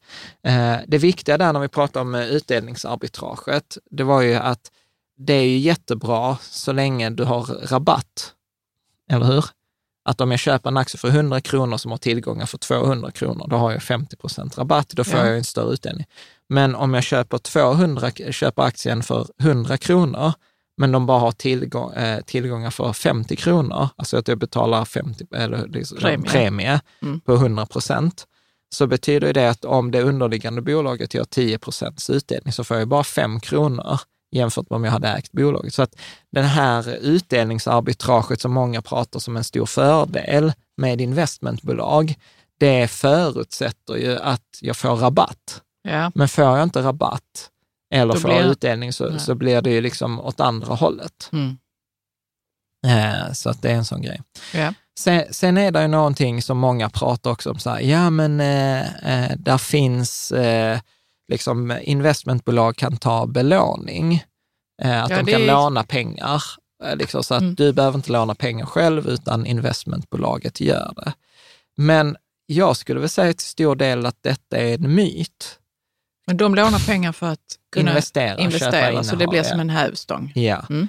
Men jag skulle säga att det är en liten myt, för när man tittar på eh, liksom, många av eh, investmentbolagens skuldsättningar, nu, nu har jag inte kollat på alla, utan eh, jag, jag kollade, jag tror här jag kollade på industrivärden, så var det några av dem som hade högst skuldsättning och det var typ eh, 6 procents skuldsättning. Mm. Eh, Så att det är ju ingen jättehög hävstång att det skulle vara liksom någon markant skillnad. Eh, Sen kan man ju säga så att det är intressant för att de betalar mycket lägre ränta. Så de, jag tror Investor, om jag räknade rätt i industrivärden, så betalar de 0,3 procent på det lånet. Så att på det sättet är det lönsamt, men att köpa investmentbolag för att uttryckligen, Åh, då får jag hävstång i min portfölj. Det, jag Det är skulle inte, riktigt jag skulle Men inte att varför det är lånar så. de inte mer? Ja, jag, jag skulle väl säga att det, de gör det i perioder, men att nu är de kanske försiktiga. Eh, liksom. Och sen kan det ibland vara att eh, de underliggande bolagen är belånade till viss, eh, till viss del. Mm. Men liksom, och då vill man inte ha mer nej. egentligen. nej, så att jag skulle säga att det, det är så här seglivad myt Mm. om att investmentbolag har mycket belåning och att det är det som är, gör grejen.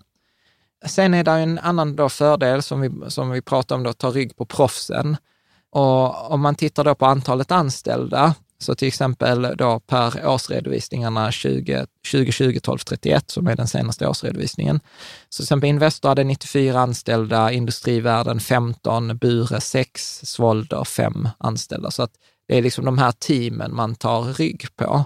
Och jag skulle väl säga så här att man sätter ju väldigt mycket tillit till det här teamet Ja. i, i, när, när man använder detta som en stor liksom, fördel. För att jag upplever att vi har ju alltid vi har ju samma problem som alltid. Är det tur eller är det skicklighet? Och, och som vi har haft flera forskare i podden, bara sa ju så här, om du tittar fem tio år eh, och du ser att du har ett bra resultat, då kanske det är en antydan om att det är skicklighet. Mm. Hur vet du att det är samma folk i de här teamen över de här tidsperioderna? Hur vet vi Ja, att, de var tu, att det var skicklighet? Mm. Eh, liksom. Och någonting som jag tycker är en av de mest intressanta graferna eh, här eh, är eh, en som kallas för Buffetts alfa. Mm. Så att detta är någonting vi pratar om i avsnitt 187. Detta visar överavkastningen som Warren Buffett, som anses ju vara en av de bästa med sitt team, hur mycket han överpresterade mot ett amerikanskt index mellan 1981 och 1900, eller 2019. Och vad som är väldigt tydligt i den här grafen är ju att ju längre tid tillbaka, desto större var överprestationen mot index. Medan liksom, ju närmare vi kommer i, dagsläget, desto mindre har den här överavkastningen varit. Ja, Och- och- ja, han är ju gammal nu. Ja, fast Jag bara skojar. har ju, det är ju inte en Sämre idrott. team. Nej, jag skulle säga Jag att detta, inte, detta handlar- det är svårare bara. Det är svårare. Det är det vi pratar om i avsnitt 187, Paradox of Skill. Mm. Att liksom den absoluta skickligheten bland alla aktörer är högre. Den relativa differensen mellan den som är bäst och den som är sämst är mindre. Mm. Indexfonderna har gjort det svårare att överprestera för att då kan vi använda metaforen att vid ett pokerbord, om du inte vet liksom, efter en timme vem som är idioten vid bordet så är det ju du. För att folk utnyttjar att du gör misstag, de utnyttjar att du är sämre. Men om jag då lämnar bordet så betyder ju det att det blir inte enklare för de andra vid bordet att tjäna pengar, det blir svårare. Så det tillgängliga, om vi ska prata forskningsspråk, det som är ointuitivt är att när folk investerar mer i indexfonder, då blir det färre aktörer som ska slåss om det tillgängliga alfat. Eh, och eftersom de färre aktörerna tenderar att vara de som är bäst, så blir det ju mindre misstag som man kan utnyttja hos de andra aktörerna, alltså blir det svårare. Ja. Så att det är svårare att överprestera mot index idag än vad det var på 90-talet. Och detta stöds ju av Barras studier eh, etc. också. Mm. Så att jag, jag är liksom att, att, att ha något argument så här, äh, men det, du tar rygg på ett team. Jag bara, mm, ja visst, men liksom så här, jag kan ju ta rygg på en indexfond också. Så att, eh, ja, jag är inte. Och sen är det också så här. Ja, man vet inte vem man får i teamet eller om det är hög omsättning i teamet. Ja, och de tävlar liksom. ju med andra ja. liksom, eh, he, hela tiden. Och här, eh, detta är ju från den här loss Porn-tråden, så det här är en bild från Avanza mellan då 1983 och 2021 på Ratos, som är ett sånt här investmentbolag och eh, som jag har investerat pengar i. Eh, så att här ser man alla tillfällen jag har köpt med blå, blå punkt och alla tillfällen när jag har sålt med mm. Eh, röd punkt. Och här kan man ju konstatera att Ratos var till exempel den stora stjärnan i Tobias Schildfarts bok Vägen till din första miljon. Eftersom han skrev ju detta i början av 2000-talet och, och då gick ju Ratos från 25 kronor till 125 på liksom fem år. Femdubblades det i värde. Problemet är liksom så att jag som många andra liksom fick upp ögonen för detta runt där 2008, 9, 10. Eh, började köpa, lyckades träffa Fanta mig på toppen. Och sen var det liksom... Eh, Förlåt, det är inte meningen att skratta åt dig. Först tänkte jag att du sa att det var något bra liksom. Men det var det ju inte. Nej. Nej. Vad trist. Ja, men du ser ju själv. Alltså, du ja, ja, sen så, så köpte du där på nedgång också verkar ja. så, men tänkte att det skulle gå upp igen. Ja. Och det vet man ju aldrig. Nej, Nej. alltså du kan ju garva så att du var ju med. Vi har varit tillsammans sedan 2003. Så det du har mina varit pengar med. med. Mina pengar med. ja. Är du med? Och, och, och då var det så här, då var det Arne Nilsson som var så här, du vet, mannen med guldbyxorna. Och sen efter det så bara gick det ut för. Eh, och vem var Arne Nilsson? Vdn för Ratos och sen blev han styrelseordförande. Och, okay. och de hamnade helt ur fas. Så bara för att någonting har gått upp, alltså hade vi bara tittat fram till 2005, eh, alltså det var ju liksom magiskt, det var ju så exponentiell utveckling rakt upp i himlen. Är du med? Och sen, och sen ser vi då 2010, där det liksom de senaste 11 åren har du mer eller mindre bara förlorat pengar på Ratos. Nu det senaste året har de gått från 25 till 50, men det är ändå fan långt ifrån 125 kronor där jag köpte det för. Ja. Så, men så, det kanske inte är värt att gå in på, men vad var det som hände där egentligen då? Ja, men allt möjligt. Var det bara att de hade höga, sin... Ja, höga värderingar, de gick, rabatten minskade, de fick inte tag på lika bra bolag, skulle dela ut pengar, hade inte råd att dela ut pengar, tog lån för att dela ut Usch, pengar. Ja. Mm. Alltså så här, så att det är ingen sure thing. Uh, och, och så här, nu kan man ju tycka att jag är en idiot, men bara liksom så här jämför mellan då till exempel 90, eh, liksom Ratos mellan 1990 och 2005 och sen 2009 och framåt. Två helt olika aktiekurser. Så att eh, jag tror att det är många där som, jag lärde mig läxan mm. här, så att detta var ju ändå relativt billig läxa, mm. så kan man skratta åt, åt mig. Hade jag haft pengarna i en indexfond så hade jag ju haft betydligt mer pengar. Ja. Så att här har ju den totalt underpresterat mot det, index. Den gula linjen här Den i gula linjen, linjen här index. Liksom. Ja, så att, eh, och det är väl detta man lär sig när man varit, varit i marknaden i många år, att nej, det finns liksom undantag till alla de här eh, liksom, reglerna. Mm. Eh, så att om vi, om vi då tittar då att Eh, liksom, där finns ju saker som talar för att då man ska ändå göra det här. Till exempel att det är ägare ofta av kött och blod eh, och det påstås vara bättre att liksom, fysiska ägare är bättre än institutionella ägare, där det liksom en, en pensionsfond med att en pensionsfond är inte kär i SEB eller så här, så de Nej. har liksom en helt annan grej. Men, men jag, det känns ju som en, en ehm, jag kan ta det sen, men det känns som en, en dålig grej att det är ägare av kött Nej, tvärtom brukar det säga att det är borgar för långsiktighet. Att man, de behöver okay. inte vara så att nästa kvartal måste det eh, leverera bra resultat, annars får vi utflöden ur fonden. Liksom, som kan hända med en, med en fond som utvärderas på kvartalsbasis, mer eller mindre. Medan här Investor säger vi har en hundraårig tidshorisont. Om SEB inte går bra nästa kvartal, alltså fuck it. Men så kan ju någon som inte är en ägare av kött och blod också programmerad. Absolut, absolut, men de har ju svårare eftersom de till exempel har ju då massa, eh, massa andra ägare som inte resonerar så. Mm. Eller pensionsfonder eller sånt. Problemet är att liksom, tittar man på olika studier eh, så är det mer eller mindre Eh, liksom beroende på vilken tidsperiod man väljer så kan man visa att det är bättre avkastning i investmentbolagen, fonder och index. Men det kan också ibland vara, liksom, eh, beroende tidsperiod, visa att man har tagit sex gånger högre risk för att få den högre avkastningen. Ibland är risken lägre. Så att jag skulle säga så här att, att ja visst, man kan läsa en rapport eller en eh, uppsats eller en studie och konstatera så här, ja det är bättre riskjusterad avkastning och sen läser man en annan som är en annan tidsperiod och då är det inte det. Så att då är det inte så här uh, out of sample, den klarar inte en out of sample jämförelse. Mm. Uh, så att där finns liksom inget liksom statistiskt bevis för det där, uh, tänker jag.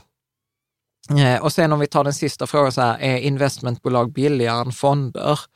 Eh, för det är också något som många säger, så här, äh, men jag köper ja. investmentbolag för att då slipper jag betala den årliga förvaltningsavgiften till fonder. Eh, vanligt argument. Tittar man på industrivärden eller Investor så är, kostar förvaltningen 0,1 procent. Det är lågt, det är superbra. Det är i paritet med de bästa indexfonderna. Eh, men då ska man komma ihåg att det finns indexfonder som är gratis. Där finns indexfonder på till exempel en global indexfond på Avanza som har 0,11. Mm. Eh, där finns eh, många jättebra indexfonder på 0,2 procent. Så att det är, inte, liksom, det är inte en naturlag och framförallt inte när vi börjar titta på de lite mindre investmentbolagen. Bure 0,29, Svolder 0,6, Creades legat mellan, historiskt mellan 0,7 och 1,1. Nu i senaste årsredovisningen var de uppe i 4,2. Det är jag, helt... Ja, jag eh, fattar inte riktigt vad det var som hände. Där stod någon not, men jag fattade inte riktigt noten. Att de gjorde någon avsättning för någonting. Ja, ja. Mm. Eh, om det var bonusar eller någonting annat. Så att återigen, det finns inget som är svart eller vitt att säga att investmentbolag är billigare än fonder. För jag kan ta fram exempel på där det inte är så. Eh, men återigen, i jämförelse med en dyrt aktivt förvaltad fond så är det bättre, svar ja. Men jag jämför ju inte med andra aktivt förvaltade fonder, utan jag jämför ju med indexfonder. Uh, och då är, det, då är det liksom inte så sant. Nej. Bra. Någonting som jag upplever, som jag personligen tycker är det största fördelen med investmentbolag, framförallt de som handlar med onoterade bolag, missar, eh, eller så har jag missat det i Fridells bok. Men detta är ju den, den anledningen till varför jag gillade varför vi investerade till exempel i Storskogen, eh, jättemycket pengar. Eh, och det är något som kallas för multipelarbitrage. Jag berätta mer om det. Ja, och då är det ju så här att de flesta bolag i Sverige är onoterade, det vill säga att de går inte att köpa på börsen utan då behöver de eh, liksom handlas på andra, andra ställen.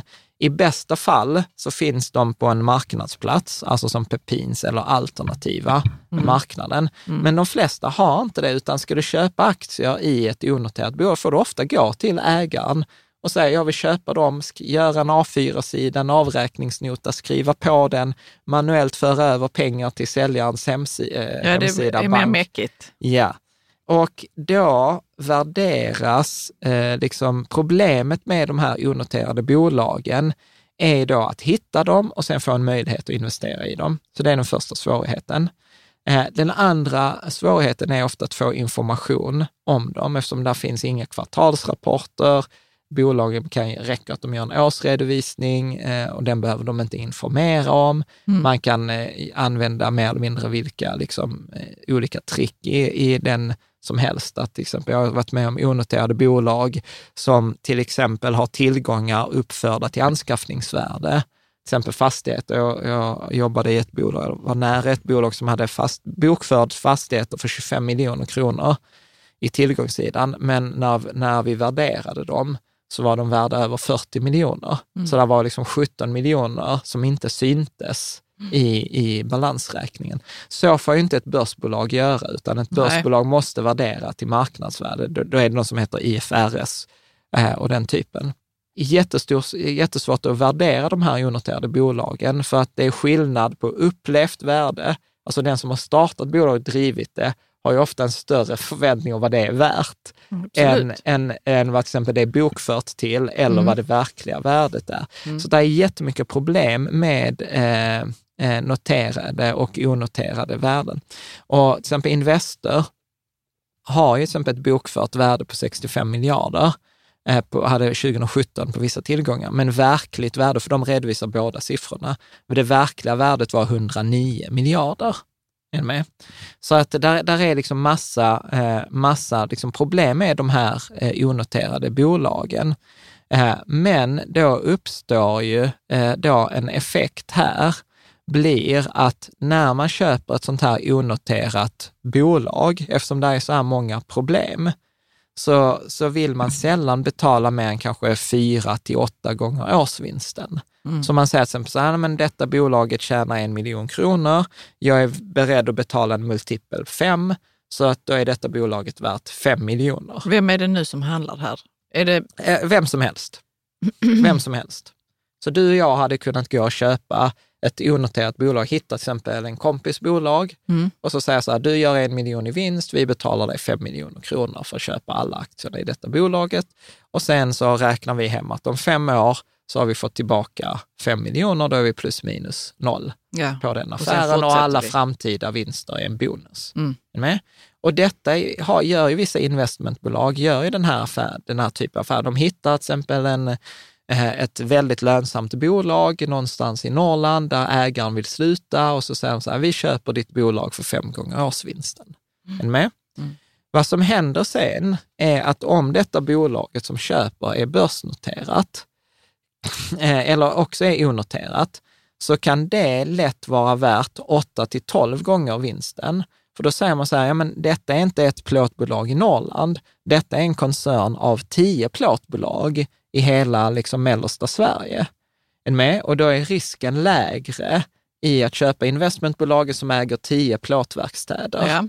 Är du med? För att om ett inte går bra så kommer något annat gå bättre och så har jag liksom en, en lägre risk så att det motiverar en högre värdering. Nu förenklar jag väldigt mycket, men, men det är liksom grundtanken. Så det betyder att liksom investmentbolaget då som investerar i de här onoterade bolagen får en högre värdering på det innehavet. Och, och vi hade, ihåg, att vi hade ett avsnitt med vdn för Infrea Ja. där han pratade om det här, där han sa så här lite krasst, eh, att jag en hundralapp i min plånbok som investmentbolag är mer värd än en hundralapp i din plånbok som investerare, eftersom jag kan kombinera ihop dem och sen kan jag gå till andra och då kommer de tycka att det är mindre risk med mig och då är de villiga att betala mer. Ja. Och sen i det tredje steget, om då, det är avsnitt 77 för övrigt, eh, det. Om då dessutom det här bolaget, är, investmentbolaget är noterat, då är det ännu lägre risk. För att då kan jag köpa och sälja aktierna på dagsbasis, plus att där är höga rapporteringskrav, där är väldigt mycket regleringar. Och då kan det lätt vara värt 12 till 20 gånger årsvinsten. Och där finns investmentbolag idag, eller så här industrigrupper som är värda uppemot 35 gånger årsvinsten. Och det är det, alla de här effekterna på vad han kallas multipel. Multipelarbit, när arbitraget kommer är ju att om ett bolag till exempel gör 20 miljoner, 100 miljoner, 10 miljoner i vinst, för exempel, det blir enkelt räknat, Ja. 10 miljoner. Så säljaren i, i det plåtbolaget får då, de gör 10 miljoner vinst, han får 50 miljoner, gör en jättefin affär. Är ni med? Så det är värderat till 50 miljoner där. Eh, Men när investmentbolaget har köpt det, i samma stund de har köpt det för 50 miljoner, så blir det värt 80 miljoner. Mm. Ingenting har hänt med bolaget, det är samma bolag, men på grund av multipeln, så de 10 miljonerna kommer ju nu i vinst till investmentbolaget Mm. och de värderas på åtta gånger årsvinsten. Så plötsligt har det skett en värdeförädling på 30 miljoner. Är dessutom det här investmentbolag sen att det går och blir börsnoterat, Mm. ja då är de 10 miljonerna i vinst från det underliggande bolaget värda 120 miljoner i värde. Så plötsligt har någonting gått från 50 miljoner i värde till 120 miljoner i värde utan att egentligen någonting har hänt. Mm. Och detta är ju då ett multipelarbitrage. Man köper någonting på ett ställe, flyttar det till ett annat och får mer betalt. Det är det som är lite definitionen på arbitrage. Detta borde inte vara rimligt eller möjligt. Men det, men detta, det händer detta ju i våra hjärnor, detta, den här värderingen och Ja, och detta sker hela tiden. Liksom. Eh, så att på, på många sätt så liksom, det är många som jobbar med de här effekterna. Till exempel små bolag eller liksom investerare som går ihop, sen köper de tio bolag för de här fem multiplarna, säljer det till ett, till ett VC-bolag, ett riskkapitalbolag för tio gånger fördubbla multipeln och sen tar VC-bolaget och börsnoterar det eller liksom säljer det till ett börsnoterat alltså, bolag. Att man gör affärer på det viset, ja. att man ja, och så tjänar typ man renoverar. Nej, det är inte riktigt samma. Nej, man nej, gör ingen förädling. Nej, man gör ingen som... förädling ens, nej. Ja. Sen, sen, sen är det vissa bolag som gör en förädling. Mm. Att de säger så här, men nu har vi tio bolag med tio plåtverkstäder och vi har ofta, vill ofta ha kvar ägarna på något sätt. Så nu gör vi så här, vet ni vad gubbar, nu får ni tio sitta i, samma, sitta i varandras styrelser. Och då kan ju de så säga, ah, har ni gjort på detta sättet, vi gjorde så här och så kan det förbättras. Eller de kan gå ihop och nu har de råd att köpa den där elfte plåtverkstan som de aldrig har råd att köpa innan. Så att ja visst, det sker en viss förädling, men den är inte så stor att det motiverar de här liksom hoppen i värderingar. Nej, men de här hoppen, de är, de är ju något som, som är liksom förväntningar på värde eller ja. att liksom det är mindre risk att äga detta så därför så ja. värderas det högre. Det måste ju vara så att det bara är i våra huvuden som... Nej, men där är ju viss substans i det. Liksom. Men det blir ju liksom en annan spekulation, som efterfrågan blir ju större. Det är ju ingen, det är få som vill åka till liksom något Habo Ljung någonstans och, och köpa en liten plåtverkstad. Men att köpa en, en koncern av plåtverkstäder via Avanza, ja det kan jag göra. Det kan man göra, ja. Så, så mm. att det, det, det är inte orimligt. Det jag väger lite mot är att marknaden här inte är effektiv, att det övervärderas.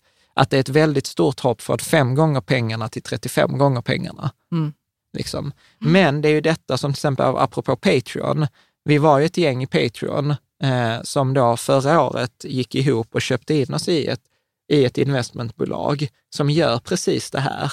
Och den värdeutvecklingen har ju varit fantastisk just på grund av den anledningen. Mm. Och, och, här är också det som jag brukar säga, att här, allt som händer är en träning för något som komma ska. Hade vi inte gjort avsnitt 77, hade vi inte liksom sett våra kompisar göra den här typen av affärer, så hade jag ju inte fattat den typen av affär när den möjligheten kom. Nej. Eller fattat den här eh, typen. Så att jag kan på det sättet gilla liksom de, de investmentbolagen som investerar i onoterade innehav, till exempel som Kinnevik eller eh, Creades eller de här andra som har vissa onoterade innehav.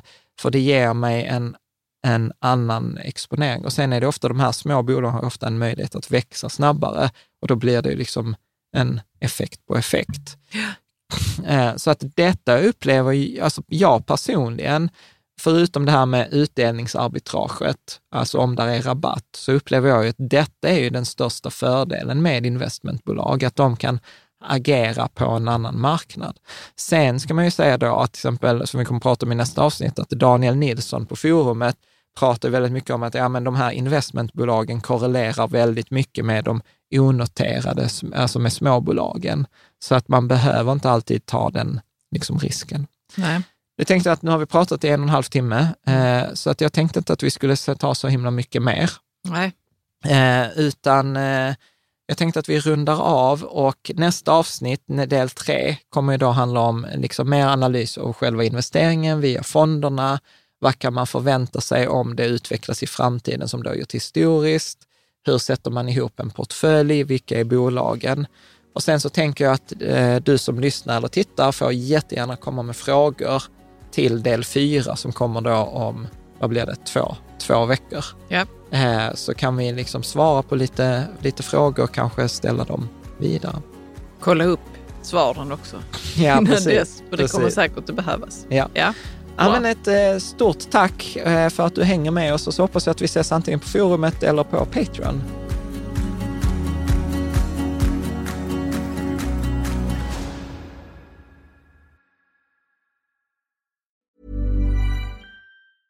Even when we're on a budget, we still deserve nice things. Quince is a place to scoop up stunning high-end goods for 50 to 80% less than similar brands. They have buttery soft cashmere sweaters starting at $50, luxurious Italian leather bags, and so much more. Plus, Quince only works with factories that use safe, ethical, and responsible manufacturing. Get the high-end goods you'll love without the high price tag with Quince. Go to quince.com/style for free shipping and 365-day returns. Mom deserves the best, and there's no better place to shop for Mother's Day than Whole Foods Market. They're your destination for unbeatable savings, from premium gifts to show-stopping flowers and irresistible desserts. Start by saving 33% with Prime on all body care and candles. Then get a 15-stem bunch of tulips for just $9.99 each with Prime. Round out Mom's menu with festive rosé, irresistible berry chantilly cake, and more special treats. Come celebrate Mother's Day at Whole Foods Market